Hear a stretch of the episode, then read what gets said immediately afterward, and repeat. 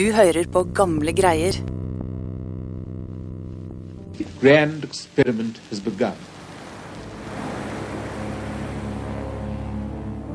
Om bord på et kamuflert skip i Atlanterhavet sommeren 1944 så prøver klodens fremste økonomer å bygge et helt nytt økonomisk verdenssystem opp fra ruinene.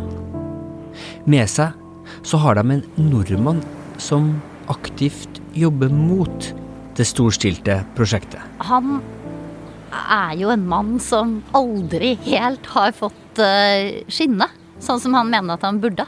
Før det hele er over, skal han ha kvesta verdens største økonom. Vi fikk ikke fremkalt den handling som skapte det nye Europa.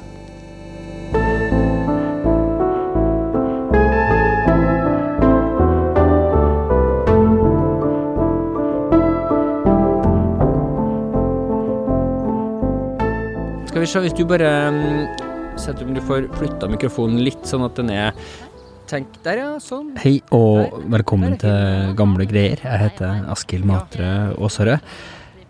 Og jeg sitter ikke som vanlig i mitt lille kott i kjelleren på Nasjonalbiblioteket. Se, se den unge, ser du den der? Oi, se den der. den den. Den Det er en liten sånn tenåring, eller? Ja.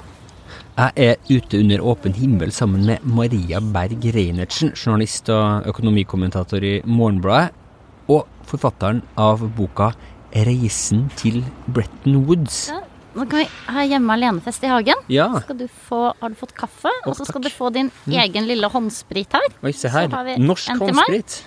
Ja, Mm. det er med norsk lite sånn hjerteflagg på. Vi har altså på noen uker mens grunnvollene i verdensøkonomien rister, blitt et land som er sjølberga på håndsprit. Hvem skulle trodd det?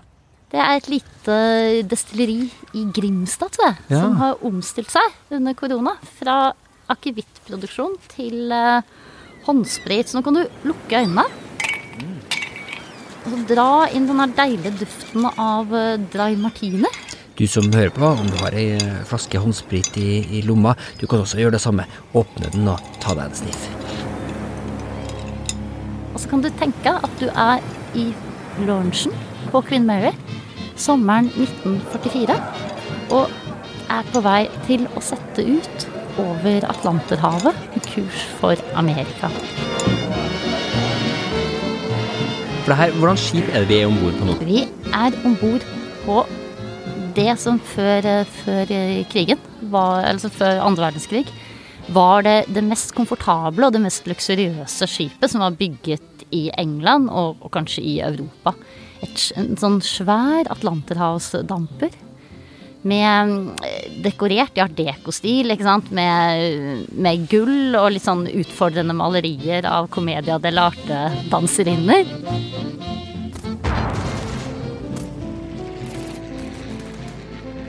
Vi er om bord i et skip som eh, i løpet av krigen da, har omstilt seg fra luksusfart over Atlanterhavet til eh, troppetransport. Så den har frakta britiske, amerikanske, australske tropper rundt egentlig på hele kloden, ettersom krigen har flytta seg fra kontinent til kontinent. Og nå de siste årene så har den, går i sånn, har den gått i sånn skytteltrafikk over Atlanterhavet for å fylle opp hele Storbritannia med amerikanske soldater til D-dagen. Ja. Nå er det 16. juni på ettermiddagen. Det er en uke omtrent siden det dagen. Og det meste av, av Europa er jo frosset til, ikke sant. Det pågår kamper i, i Normandie. Sjøl om det her skipet virker å være en slags oase midt i verdenssamfunnets kanskje største krise noensinne, så er aldri krigen langt unna. Nede i det djupe, kalde Atlanterhavsvannet så jakter tyske ubåter etter The Grey Ghost, som Queen Mary ble kalt. Så skipet kjører i et langt og intrikat sikksakk-mønster over havet, og det er radiostillhet. Så hele den eksklusive gjengen som er om bord, er helt avsondra fra verden rundt seg. Hvem er det som sitter med oss i loungen akkurat nå og, og drikker gin tonic eh, om bord på, på, på, denne skuta? Det er, det er John Maynard Kates. Grand experiment has begun. Verdens mest kjente økonom på, på dette tidspunktet. I predict that we shall never go back all the way to the old state of affairs. If we can cure unemployment for the wasted purposes Det kommer kanskje ikke så tydelig frem eh, gjennom det her BBC-opptaket fra før krigen, men John Maynard Keynes var en ekstremt sjarmerende person med sin kledelige bart og tilbakelente holdning. En som kunne sjarmere folk av alle kjønn. Han var en portvinskjenner, og grunnleggeren av makroøkonomien. Økonomer i dag de strides fortsatt om hans ideer, eksempel tanken om at staten skal øke sitt forbruk for å kompensere når vanlige forbrukere ikke bruker nok til å holde økonomien i gang, men de fleste er likevel enig i at han er en av de mest sentrale økonomene noensinne. good may come out of evil. We may learn a trick or two which will come in useful when the day of peace comes. Eh, og det er kona hans, Lydia Lopokova, en berømt russisk ballettdanserinne. Og så tenker jeg meg at det er rundt disse to, da. Så svermer det da diverse sånn europeiske økonomer og bankmenn som har tilbrakt tiden i London i eh, eksil. Og nå er de her bankmennene sine nasjoners utsendinger til Bretton Woods-konferansen. Den nederlandske bankmannen Wim Beyen, en sånn kjent rundbrenner som det allerede på mellomkrigstida så gikk det sånn varsler til ambassaden om at man må passe på damene når han var på vei. Eh, og så er det nordmannen Wilhelm Keil Keilhaug. Han skal jo komme ganske mye mer tilbake til eh, om en liten stund. Men før det, kan du bare si kort, hva er det egentlig de skal? Bortsett fra å drikke gin tonic. Bortsett fra å, da nyte et, eh, et bedre cruise på et litt nedstrippa uh, cruiseskip mens krigen fortsatt foregår. det, det de egentlig skal, det er at de skal da til USA, og der skal det foregå en svær konferanse der en skal legge, uh, lage reglene for uh, den økonomiske verdensordenen i etterkrigstiden. Og et nytt internasjonalt økonomisk system det trengtes, for verden var i totalt kaos denne sommeren etter fire tiår med kontinuerlige kriser. Kjernen i mange av de her krisene var at verden hadde blitt mer global, men nasjonene var like territorial og aggressiv som de alltid hadde vært. Den økonomiske ryggmargsrefleksen på det internasjonale markedet omtales ofte som 'beggar thy neighbor', gjør naboen din fattig, heller enn å handle sammen på en eller annen måte.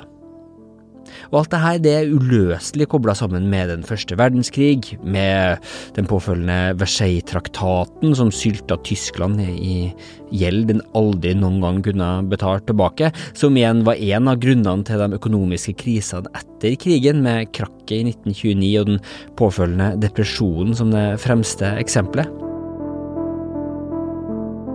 I Norge så ble det i 1923 gitt ut en svært populær roman, Tore Tank het den, som var et slags karakterdrap på det kyniske spekulantmiljøet i Oslo under første verdenskrig. Altså den herre uhilda globale kapitalismen som mangla system og regler og en tanke om noe større, egentlig. Men boka nevner også ei anna enorm krise, som også ble forsterka av det nye globale samfunnet. Hver dag ble der fortalt nye, uhyggelige historier om farsotten. Krisa er spanskesyken. Folk skulle være falt døde om i sporvognene. Hos noen gikk sykdommen til hjernen og berøvet dem forstanden før døden kom. Oppe på Ullevål gjorde legerne den iakttagelse at lungene var blitt ganske sorte på de døde, og på likene viste det seg mørke, stinkende pletter alt etter få timers forløp. Kom sykdommen først til et hus, løp den rundt på noen dager. Ofte måtte alle gå til sengs samtidig, så der ikke ble noen til å stelle og til å hjelpe. Og da sykepleiersker snart ikke var til å oppdrive mer, hendte det at rike folk døde av vannstell og forkommenhet midt i Oscars gate. Mann og hustru døde ofte med timers mellomrom. I avisene svulmet dødsfallannonsene opp til spalter. Det er altså fra ruinene etter denne vanvittige rekka med globale kriser. Gjengen på Queen Mary skal bygge et internasjonalt økonomisk system som kan være noenlunde stabilt. Men la oss da komme til nordmannen som står midt oppi det her. Wilhelm Keilau. Han er en uttalt motstander av ideen om å bygge opp det her systemet. Han er jo en mann som aldri helt har fått uh, skinne, sånn som han mener at han burde. Det tror jeg vi kan si. Uh, han er en utrolig interessant person i, i norsk økonomisk historie, og som, som økonom selv. Altså, som jeg sier, jeg ble veldig fascinert når jeg begynte å, å lese om ham. Og, og, og, du merker jo det at det alltid det er noe litt sånn Han er lett å gjøre narr av i ettertid, da. Han er gjenkjennelig på sin underlige gestikulering og sin Willoch-aktige hentesveis. En ivrig, men litt fortapt skikkelse om bord på Queen Mary, med et stort overskudd av uh, skarpe skarre-r-er der han vandrer på promenadedekket. Og det vi kan bebrede oss, det er dette. Her i et opptak fra NRK. Vi tok de riktige standpunkter. Vi protesterte mot Versailles, mot Ruhr-okkupasjonen, mot erstatningsbetalingene men ikke kraftig nok, ikke sterkt nok. Vi fikk ikke fremkalt den handling som skapte det nye Europa. Han begynner karrieren sin som egentlig ute i offentligheten første gang som 13-åring. Da går han i bresjen for det som kanskje vel er det motsatte av internasjonalt økonomisk samarbeid. Han vil ha et slags bevæpna ungdomsforsvar mot svenskene gjennom eh, skytterlagene. Og det her får han forbausende nok gjennomslag for.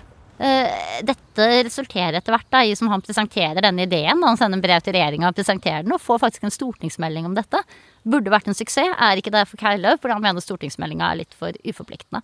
Men han er egentlig da allerede som 13-åring så trer han inn i liksom kampen mm. mellom nasjonene, på en måte, da? Ja, han er jo et litt sånn vidunderbarn, ikke sant? Mm. Men som, ja, som, som, ser inn på denne internasjonale scenen. Men så, så er han jo ikke sånn helt vidunderlig. Han Det blir stilt veldig store forhåpninger til doktorgraden hans. Han går igjen, sitter han høyt, kritiserer Anklager en av økonomifagets store fedre, Ricardo, for å ha regna feil. Så viser det seg at det er Keiløs selv som har regna feil. Dette hemmer karrieren hans litt, så han han blir en litt sånn lattervekkende figur på Økonomisk institutt, kan du si. Uh, som, uh, som, aldri, som, må vente og vente og vente på professoratet sitt. Og da han endelig får det, så han ikke, blir han ikke funnet skikket til å undervise i økonomisk teori, så det blir bare et professorat i økonomisk historie. Du kan si at når han kommer til, uh, til London, så er han jo da en mann som som ennå ikke helt liksom har fått skinne, så ser det ut som han skal få gjøre det i London. Han hadde kommet seg til England sammen med kong Haakon, og ble der en del av Norges Bank i eksil.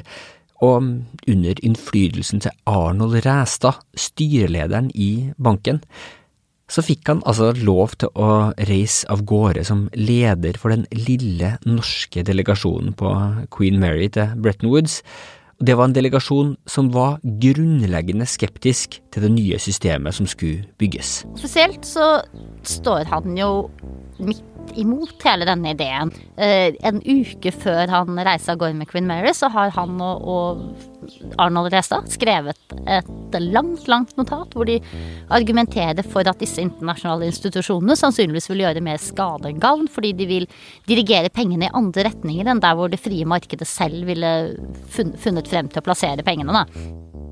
Så nordmennene med Keilau i spissen som har reist opp fra London med tog og så gått om bord på Queen Mary denne eh, dagen, de er på ingen som helst måte John Maynard Kanes største fans. Etter at de har mista Skottland av syne, så går hele denne gjengen med økonomer til sengs i sine lugarer kvelden 16.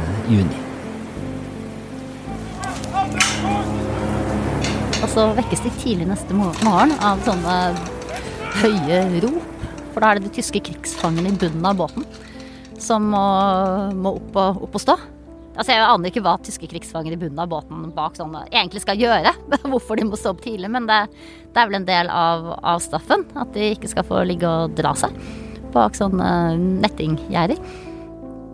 Midt i det her så begynner den frenetiske møtevirksomheten mellom deltakerne om bord, så de får spikra sammen så mye som mulig av det her nye systemet før de kommer frem til amerikanerne i Bretton Woods.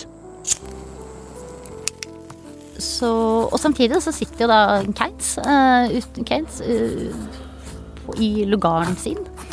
Han ligger vel, han liker stort sett å ligge og jobbe på senga. Han er sånn hjemmekontorets foregangsmann. Uh, der, der, skriver han rett og slett hele utkastet til, til Verdensbanken.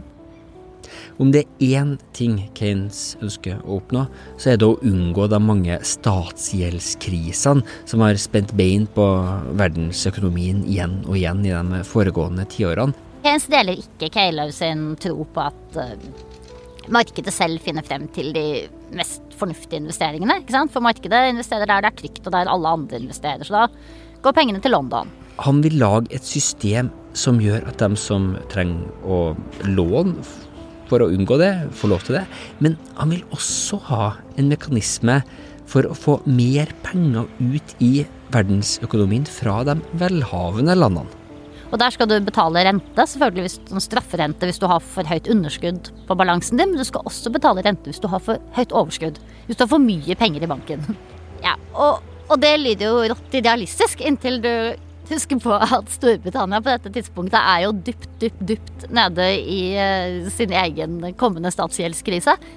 Men uavhengig av eh, baktankene, så er britene eh, sitt forslag, og for så vidt også amerikanerne som de skal møte i, i Bretton Woods, deres ideer for det internasjonale samfunnet, er revolusjonerende i jordets rette forstand.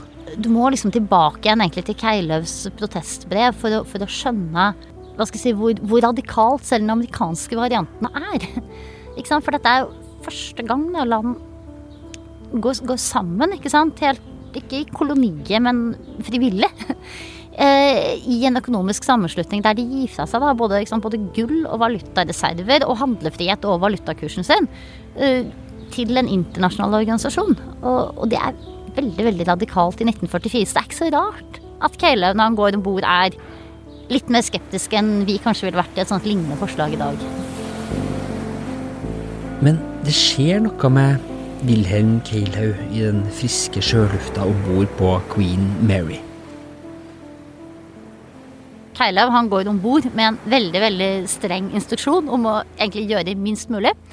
Eh, ikke ta noen initiativer utover sånne helt snevre norske, norske interesser. Bokstavelig talt sitte ja. stille i båten? Sitte stille i båten. Men eh, så er det jo sånn om bord på Queen Mary at det er radiostillhet. Og det betyr jo da at Keilaug da i, eh, i, sju dager egentlig er helt, uh, helt fri for instrukser hjemmefra. Ute på havet, sluppet løs og uten mulighet til å bli kontrollert, så begynner Keilaug å ta opp store ideer. F.eks. For et forslag som britene hadde lagt bort om en eh, ny verdensvaluta som skulle erstatte dollaren. Det er riktignok et forslag som aldri går igjennom. Keynes mener vel at på et tidspunkt at dette er ryker, fordi de kommer aldri på noe godt navn på den. Vi kaller den Bancour og Dolphin og sånt. Og det, og det, der, det er det som er det store problemet? ja, men, men, sannheten er vel det at amerikanerne er ikke så interessert i, i i å, å, bytte ut noe som helst med, med, dollaren sin. Men han begir seg altså ut på de gigantiske spørsmålene om internasjonalt økonomisk samarbeid, ikke bare de norske særinteressene. Og han får være noen helt andre enn det han har fått lov til å være i Norge. Så, så det som er ironien, er jo det at, at at det som liksom vinner Keiløv respekt der ute, det er jo nettopp det den norske finansdepartementet i London ville ha ham fra å gjøre. Mm. Men som han da har fått et lite sånn frirom om bord på ja. båten til å, mm. til å gjøre. Men, men, samtidig så er det jo som du sier, en sånn, det er egentlig en annen Keiløv enn det som har vært der tidligere. Mm. Hvor skjer det skiftet? Altså, når våkner han mm. om morgenen og sier liksom de internasjonale systemene? uavhengig av nasjon, en internasjonal valuta, det skal vi kjempe for?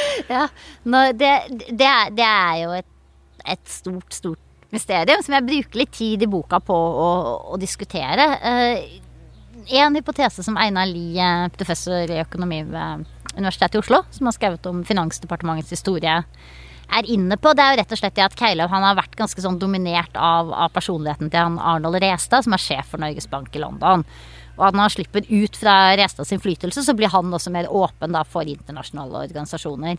Jeg tror mye av forklaringen den kan, den kan ligge der. Han kommer jo inn under Keynes magnetisme, uh, som, som, vi også har dokumentert mange steder at er ganske eh, ganske kraftig. Men jeg tror også noe ligger i det at Keilov her oppdager sin, sine egne eh, ideer om, om, internasjonalt samarbeid. Han gjenoppdager dem da, fra, fra, tidligere tider.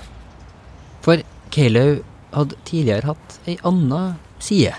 Husker du boka Tore Tank? Den derre kritikken av den uhilda frie eh, kapitalen? Vi fikk rikdommen slengt i fanget på oss midt i en verden av nød. Hva ble den brukt til?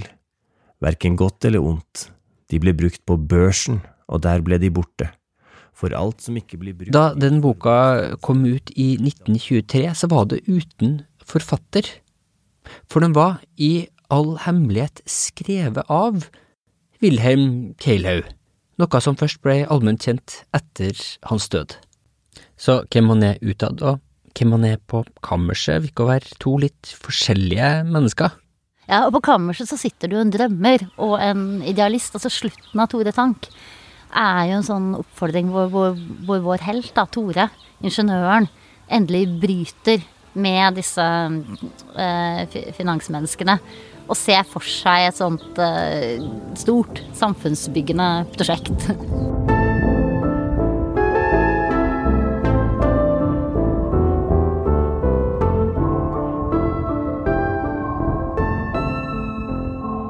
I ei uke på havet så har Queen Mary klart å gå fri for ubåtene i dypet ved å sikksakke seg gjennom bølgene. Den gråmalte giganten glir derfor til slutt inn til New York, hvor skyskraperne lyser mot dem. De blir fulgt av en lang rekke slepebåter og andre småfartøy inn til havna. Wilhelm Kaylaug har, tross alle tidligere ydmykelser, fått lov til å fly alene og vært med på å forme morgendagen om bord på skipet. Og etter den fantastiske overfarten så blir oppholdet på det slitte hotellet i Bretton Woods, hvor selve avtalen skal dundres gjennom, et slags eh, forgjetta land for Kelhaug, der han alltid har ønska å være. Men det ender med at han faller ned til jorda igjen. Ja, det er så trist. Nå skulle jeg ønske at vi hadde Dry Martini og ikke sånn her stusslig håndsprit. Vi får, vi får ta en ekstra sniff av den her uh, håndspriten. For Kayla, han har det jo så fint i Bretton Woods. Det er jo virkelig hans drømmeseminar. Andre har jo beskrevet dette svære hotellet der delegater fra 44 land samles som et sånt galehus av uh, eh, bråk og vinduer som går opp og igjen hvis de i det hele tatt lar seg åpne og lukke, og vann som renner, og folk som pådrar seg akutt alkoholforgiftning. eh, for, men, men Keilaug skrev jo at dette er aldeles førsteklasses. Eh, og han er fornøyd. Norge blir med i det er jo det av de, av de små landene, ifølge ham selv, som, som får sitte da i flest delegasjoner, være med i flest sånne komiteer. Så dette er jo klassisk. ikke sant? Vi kjenner det igjen fra de, de siste tiårene. Norge som et lite land som liksom uh, Hva skal jeg si Punching over its weight i, i internasjonale fora. Eh, og så går det ganske bra. Og så tar han et veldig fatalt initiativ. Det er en eh, liten ting han foreslår, i hvert fall sett med, med, dagens blikk, noe han kanskje ikke helt forstår engang om han ikke setter seg inn i hele systemet. Han foreslår å legge ned Bank of International Settlement, en omdiskutert del av det allerede eksisterende internasjonale økonomiske systemet. Eh, Keilev tar opp det her forslaget. Britene regner med at ja, ja, liksom Norge Who cares? Så viser det seg at amerikanerne bryr seg. De tar opp Keilevs forslag. Og da blir Keynes så, så oppskjørtet at han glemmer at det fins heis. Så han løper bortover gangen og opp alle trappene til eh, rommet til den amerikanske delegasjonen. Da han finner den amerikanske finansministeren, Morgenthau, eh, for å For å, jeg antar, kjefte på han, da. For Case kan jo være ganske ganske bøs når han vil det. Men det får han ikke til, for da har han rett og slett altså Keynes har, har en litt sånn prekær helse i utgangspunktet, dette blir for mye for han.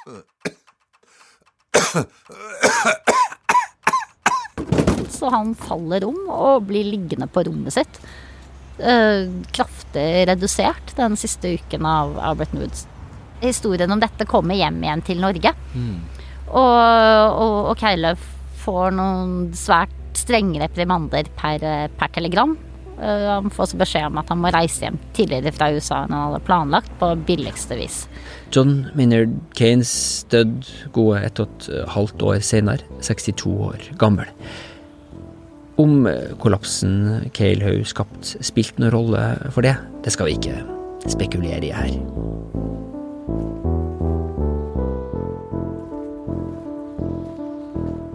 Keynes sin idé om et system hvor det ikke bare er mekanismer for å få dem som har lånt penger til å betale dem tilbake, men også hvor systemet tvinger dem som har penger til å bruke dem, det ble det aldri noe av. Jeg har hørt noen sammenlignende si det, at, at det, det amerikanerne så for seg, det vi fikk, det var et slags sånn uh, legevakt for verdensøkonomien, hvor man kan rulle inn sykeland, og så gi dem litt sånn livredning i form av lån og råd og strukturtilpasningsprogrammer, og så ruller man dem ut igjen, da.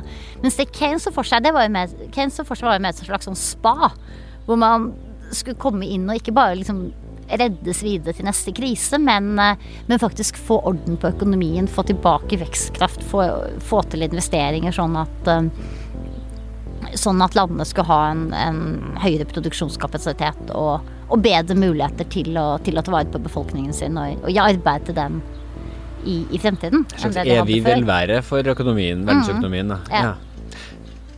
Jeg er veldig positiv til Keynes, da, men det er jo fordi at uh, han skriver jo så sykt bra, så det er mye koseligere å lese Keynes sine brev og dokumenter og utkast enn det er å lese de amerikanske. Systemet de blir enige om i Bretton Woods, det er bygd opp rundt to organisasjoner, Verdensbanken og Det internasjonale pengefondet, og de er med å styre det internasjonale økonomiske systemet i mange tiår etter den planen som ble lagt der. På 1970-tallet så går man bort fra gullstandarden, og mye av det som skjer i, i Bretton Woods blir gått bort fra det også, men de to organisasjonene der, de lever likevel videre. Eh, det som er litt interessant, er at Verdensbanken og pengefond de kunne også gått heden, men de omstiller seg til en slags sånn voktere av denne nye og, og mer labile verdensøkonomien. Når Keilio kommer tilbake til Norge på billigste billett, så er ting tilbake som de var. Han får bli en kanskje litt komisk og nokså vingeklippa skikkelse som får sysle med økonomihistorie. I 1946 så ble det satt opp en studentrevy i Oslo. Der fremvises Keilau som lite mer enn en lang rekke skarrærer.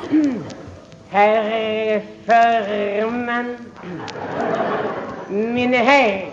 Jeg håper de tidligere ærede talere ikke tar meg det ille opp når jeg påtaler Men han fortsetter å skrive økonomihistoria si og holde medgivende forelesninger, samtidig som han kjemper for det nye systemet som han har vært med å bygge opp. Ingen av disse standpunkter, mine herrer, er jeg tilhenger av. Han dør i 1954.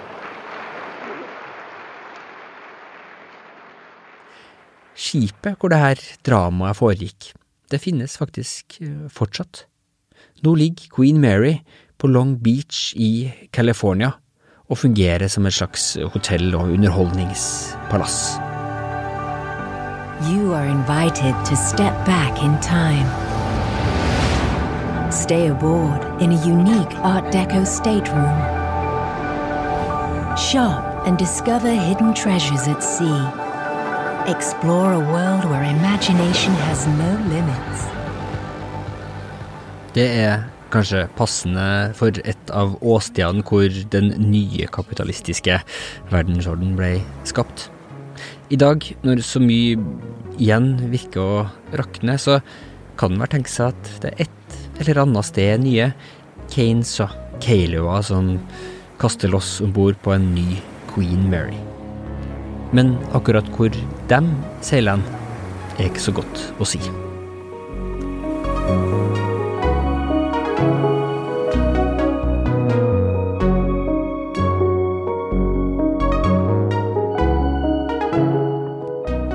Boka til Maria Berg Reinertsen den heter altså Reisen til Bretton Woods, og handler om så mye, mye mer enn det vi fikk snakka om her. Den anbefales.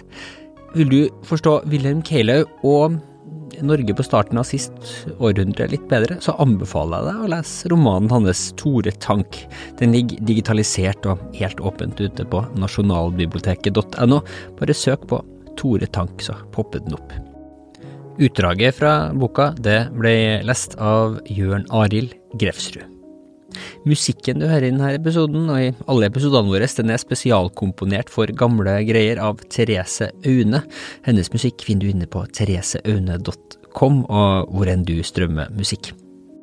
Medprodusent på denne episoden har vært uh, Live Wedeler Nilsen, og redaktør for Gamle greier er Ida Berntsen.